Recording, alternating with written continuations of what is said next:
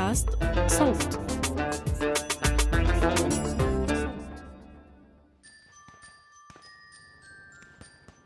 التفكير في اليوم التالي للحرب مرعب ولا نعرف متى سيكون مثل هذا اليوم نظرا للرخصة المفتوحة للقتل والممنوحة لدولة الاحتلال.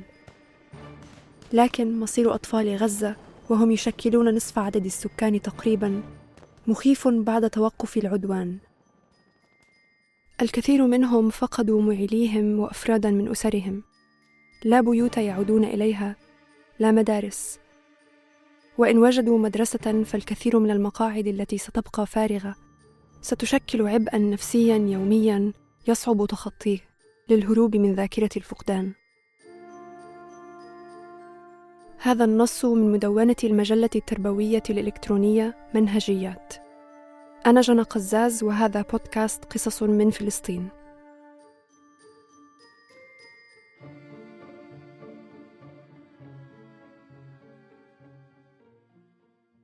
كتب عدد من المعلمين والمعلمات الفلسطينيين المقيمين في قطاع غزة نصوصا نشرتها منهجيات. ونسجل هذه النصوص نيابة عنهم بالتعاون مع منهجيات. هذا النص عبارة عن مقالين بالعنوانين التاليين: كانت هنا مدرسة قبل السابع من أكتوبر، والكتاب الأخير الحرب على غزة 2023 كتبتهما المعلمة أسماء رمضان مصطفى في ديسمبر 2023 أسماء معلمة لغة إنجليزية حائزة على لقب المعلم العالمي لعام 2020 وحائزة على لقب معلم فلسطين المبدع لعام 2022 وتعمل معلمة منذ بداية 2008 تقول أسماء منذ صغري أعشق القراءة وخصوصا القصص والروايات البوليسية. عندما كنت في الصف التاسع الأساسي أذكر أنني اشتريت خمسة وعشرين كتابا وزينت بها رفا صغيرا داخل غرفتي الصغيرة. كنت أدخر من مصروفي اليومي لشراء الكتب التي أحب. وفي العام التالي أصبحت أكثر انتقائية واشتريت ضعفها وكنت أقرأ الكتاب نفسه بين حين وآخر. في الأعوام اللاحقة كبرت مكتبتي الصغيرة وزاد عدد الرفوف. وحين انتهيت من دراستي الجامعية أصبحت لدي مكتبة صغيرة. كبرت مكتبتي وأطلقت عليها لقب مكتبتي العامرة. جمعت مكتبتي أصنافا كثيرة من الكتب منها العلمي والقصصي ودواوين الشعر والروايات الأدبية باللغتين العربية والإنجليزية. كتب أهدانيها أصدقائي الأعزاء من الكتاب وكتب تربوية أصيلة وكتب دينية وتاريخية أحببتها وأحبتني.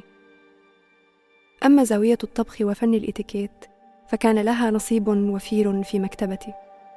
تركتها هناك. في شمال غزة حيث كنت أسكن مع عائلتي الجميلة ونزحت إلى جنوبي قطاع غزة. اشتد الكرب على أهلنا الصامدين ولم يبقى أمامهم سوى استخدام أوراق الكتب لإشعال فتيل النار لطهو ما تبقى لديهم من فتات الطعام لأطفالهم. لم تعز علي الكتب.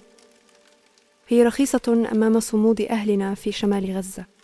كانت الكتب تشعل أفكارنا صارت الكتب تطعم صغارنا.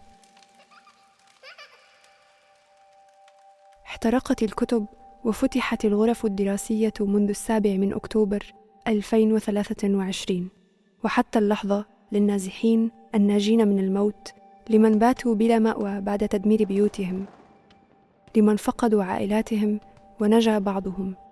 تغيرت ملامح الغرفة الصفية أصبح كل جزء منها يؤوي عائلة بأكملها.